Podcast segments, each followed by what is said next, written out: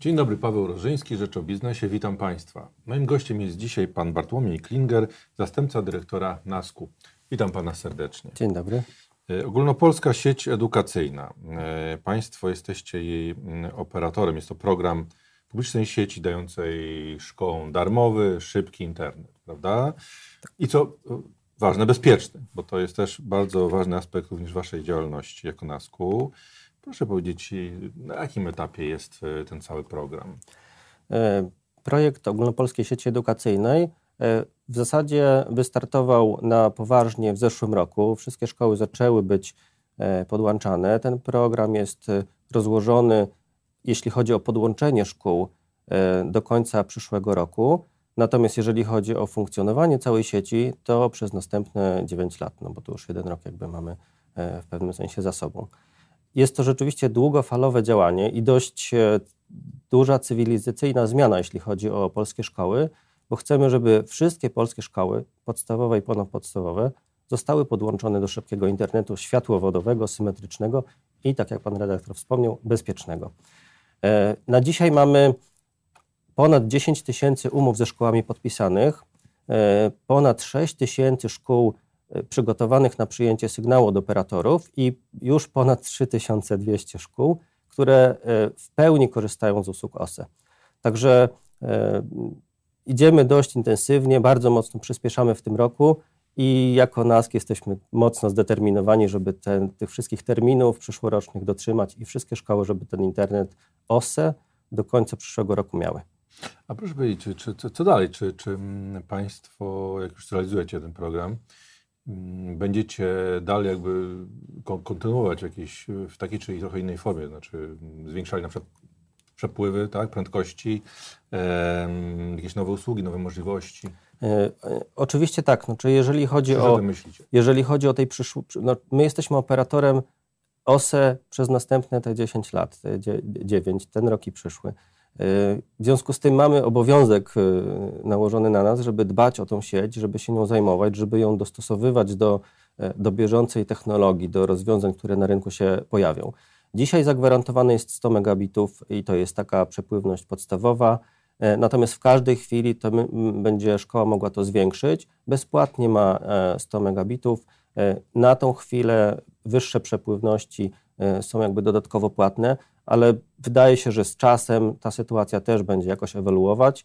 E, oczywiście ma umocowanie w ustawie, w związku z tym będą pewnie też potrzebne jakieś ruchy w tym obszarze. Dla nas najważniejsze, żeby OSE nie stało się tylko kolejnym internetem do szkoły, ale żeby stało się rzeczywiście narzędziem wprowadzania nowoczesnych, cyfrowych narzędzi edukacyjnych do tego procesu kształcenia naszych dzieci. No właśnie, jakby Pan podał jakieś przykłady, jakie udało się wprowadzić tutaj narzędzia i jakie to przyniosło korzyści właśnie e, uczniom i nauczycielom? Na dzień dobry skupiamy się przede wszystkim na bezpieczeństwie i to jest takie podstawowe nasze zadanie, czyli zaczęliśmy od usług, które zabezpieczają sieć szkolną e, od zagrożeń i zabezpieczają e, uczniów i nauczycieli od treści, które są niebezpieczne. To jest taki pierwszy etap, jeśli chodzi o usługi OSY, można powiedzieć. Natomiast już w tym roku wprowadzamy kolejne aktywności bardziej związane ze środowiskiem nauczycielskim, e, takie jak e, OSE Hero, czyli usługi, które pozwalają nam wyławiać spośród nauczycieli, spośród uczniów wszystkie takie inicjatywy, które są ciekawe, interesujące, nowoczesne i które bardzo mocno angażują uczniów w świecie cyfrowym, ale angażują je mądrze nie y,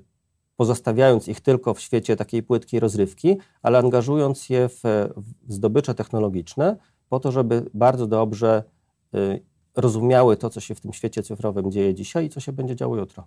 A czy to duże koszty, duże koszty wiązały się z tą inwestycją, z tym przedsięwzięciem?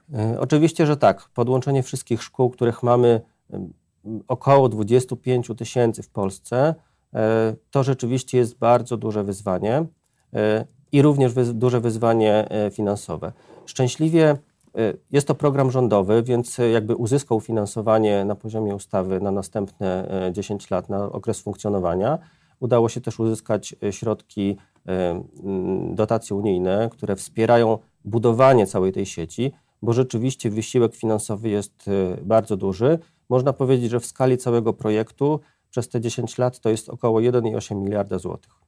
Mhm. Ale podkreśliliście Państwo jakieś problemy, jakieś rzeczywiście przeszkody, które trzeba było przebrnąć. Na pewno nie było to łatwe przedsięwzięcie, biorąc pod uwagę chociażby jego skalę. E, oczywiście cały czas trwa, cały czas borykamy się z różnymi przeciwnościami. E, największą trudnością jest oczywiście brak dostępnej infrastruktury e, światłowodowej na terenie całej Polski. I to jest, e, OSE jest takim pierwszym krokiem, żeby, e, żeby wreszcie pozbyć się tego problemu. E, żeby po pierwsze szkoły miały dostęp do tego światłowodu, żeby te wszystkie inwestycje operatorów telekomunikacyjnych y, przyspieszyły tak naprawdę, czyli żeby był taki bodziec przyspieszający te inicjatywy. Y, I na dzisiaj, jeżeli chodzi o technologię, o technologię, taką techniczną część tej, tego tematu, to rzeczywiście dostęp do łączy światłowodowych, budowanie tych łączy przez operatorów, wszystkie, cały ten proces inwestycyjny jest takim nie chcę powiedzieć, że, że jakby hamującym, ale takim ciągle wyzwaniem dla nas, jeśli chodzi o budowę sieci OSE. E, wydaje się, że powoli przełamujemy też drugi problem, y, niezrozumienie, czym to OSE jest i czym to OSE będzie za chwilę, że, że właśnie to nie tylko światłowód, że to coś więcej, że w ramach tej sieci chcemy rzeczywiście dużo fajnych rzeczy dla dzieciaków zrobić. Mhm. A proszę powiedzieć, czy, czy mm, w Polsce w wystarczający sposób troszczymy się o bezpieczeństwo dzieci? No, państwa zadaniem też jest y, bezpieczeństwo, tak? Zapewnienie bezpieczeństwa. Czy, jak jest tu Pana, pana ocena?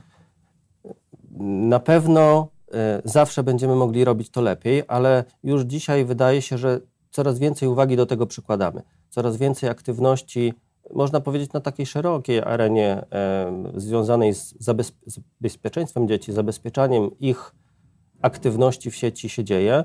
E, my jako NASK e, no mamy rzeczywiście dużo obowiązków nałożonych na nas w tym e, w obszarze i cyberbezpieczeństwa, ale też w obszarze dokładnie zabezpieczenia bezpieczeństwa dzieci w internecie, szczególnie w obszarze szkoły. Czyli to OSE jest takim dla nas bardzo silnym motorem, do tego, żeby to bezpieczeństwo podnosić. I można powiedzieć, że na terenie szkoły, która jest podłączona do OSE, e, zrobiliśmy już bardzo dużo. Tak naprawdę e, zabezpieczamy wiele warstw i technicznych, i takich kontentowych związanych z treściami e, i z aktywnością dzieci, nauczycieli na terenie szkoły, jeśli chodzi o, o bezpieczeństwo i jakby dostęp do treści niepożądanych, czy w ogóle zdolność tej sieci do obrony przed atakami zewnętrznymi. E, OSE daje już bardzo, bardzo dużo.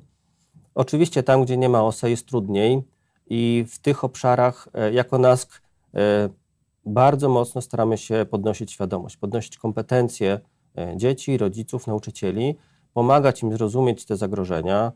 Mamy aktywności związane po pierwsze z, z reakcjami na incydenty, czyli nasz, nasz punkt kontaktowy dyżurnet, gdzie można zgłaszać treści niepożądane, treści niebezpieczne. E, I ten dyżurnet tak naprawdę uruchamia odpowiednie służby, żeby te treści z sieci usunąć albo zablokować do nich dostęp. E, mamy aktywności takie badawcze, czyli prowadzimy badania społeczne w obszarze dostępu dzieci do internetu, do smartfonów, e, zrozumienia tego świata przez rodziców, I staramy się pokazać e, nawet czasem tą rozbieżność rozumienia, jak dzieci nasze postrzegają świat cyfrowy, a jak postrzegają ten świat cyfrowy ich rodzice. No właśnie, bo to pojawia się coraz więcej zagrożeń, e, zupełnie wydałoby się no, zaskakujących, tak? I, i, I, takich bardzo świeżych, jak na przykład chociażby technologia deepfake, tak? czyli, czyli tutaj mamy możliwość tak naprawdę manewrowania multimedialnym przekazem w sposób kompletnie dowolnym. To można komuś zrobić wielką krzywdę też, dzieciom nawet.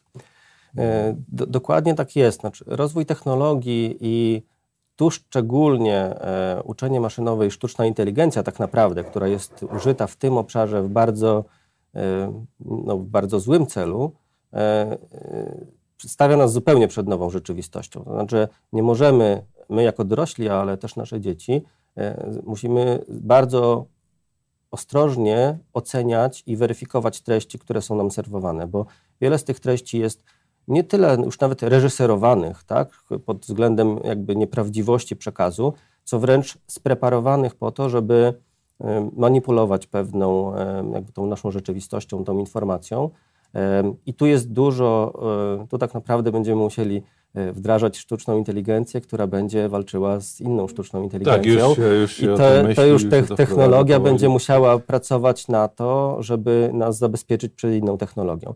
I to jest rzeczywiście taki obszar bardzo dużych, nowych zagrożeń technologicznych, ale wydaje się, że też takim zagrożeniem, można powiedzieć, społecznym to jest e, e, to, z czym próbujemy walczyć, uświadamiając właśnie, czyli pozostawianie naszych dzieci samotnie w sieci. To, to o czym jakby powiedzieliśmy już, jeżeli nie zostawiamy dziecka samego w ciemnym, nieznanym lesie, jeżeli nie zostawiamy dziecka samego na nieznanym dworcu o północy, to tak samo nie możemy go zostawiać o dowolnej porze samotnie w sieci. No tak, bo jeszcze w szkole to powiedzmy jest jakiś nadzór, ale w domu rodzice śpią, dzieciak Nie, nie, muszą, nie muszą i- spać, wystarczy, że siedzi w smartfonie w e, drugim pokoju. E, proszę zwrócić uwagę, że ekran monitora to jeszcze można obserwować. Można zajrzeć dziecku przez ramię, ale dużo trudniej jest zajrzeć dziecku na ekran smartfona, e, bo smartfony zaczęły być traktowane przez nastolatków i przez dzieci jako takie bardzo osobiste urządzenia. I rzeczywiście rodzic musi dużo czasu i uwagi poświęcić, żeby towarzyszyć tym dzieciom w tym cyfrowym świecie, żeby nie pozostawić ich tam samych. No właśnie, Państwo też y, różne akcje prowadzicie y, związane z, chociażby z bezpieczeństwem w sieci. Jedna z nich to nie zagub y, dziecka w sieci. Jak, jak to wygląda? To jest dokładnie ta akcja skierowana w tą stronę. Znaczy chcemy, po pierwsze, zbadaliśmy, to dotyczyło, badanie dotyczyło nastolatków, zbadaliśmy, jak polskie nastolatki oceniają i tą rzeczywistość swoją smartfonową, internetową, co one o niej myślą, e, czy miały dostępy do, dostęp do treści niebezpiecznych, czy nie, jak korzystają z telefonu, kiedy, o której. E, A później zbadaliśmy rodziców tych samych nastolatków. I y, zachęcam do lektury tych dwóch raportów, bo y, rozbieżność w postrzeganiu tego samego zjawiska u tych samych dzieci między tymi dziećmi a ich rodzicami y, jest y, co najmniej zastanawiająca. Czy powinna jakby nas skłonić do tej refleksji właśnie, że to nie jest tak, jak my myślimy dorośli. Dzieci inaczej w tej sieci funkcjonują, y, inaczej ją traktują. Y, Dla nich jest to taka rzeczywistość, która, która jest e, e, spojona z czasem rzeczywistym. To jest tożsame. Dla nas, dorosłych, którzy wolniej trochę wchodziliśmy w ten świat cyfrowy, nie zawsze tak jest. I ta kampania Nie zagub dziecka w sieci ma właśnie taki cel, żeby przede wszystkim skierować komunikat do dorosłych, do rodziców, do nauczycieli i uświadomić im to, że dzieci w tej sieci potrzebują opieki. Nie mogą zostać same, żeby się tam nie zagubiły. Dziękuję Panu bardzo za rozmowę. Moim gościem był Pan Bartłomiej Klinger, zastępca dyrektora NASK. Dziękuję bardzo.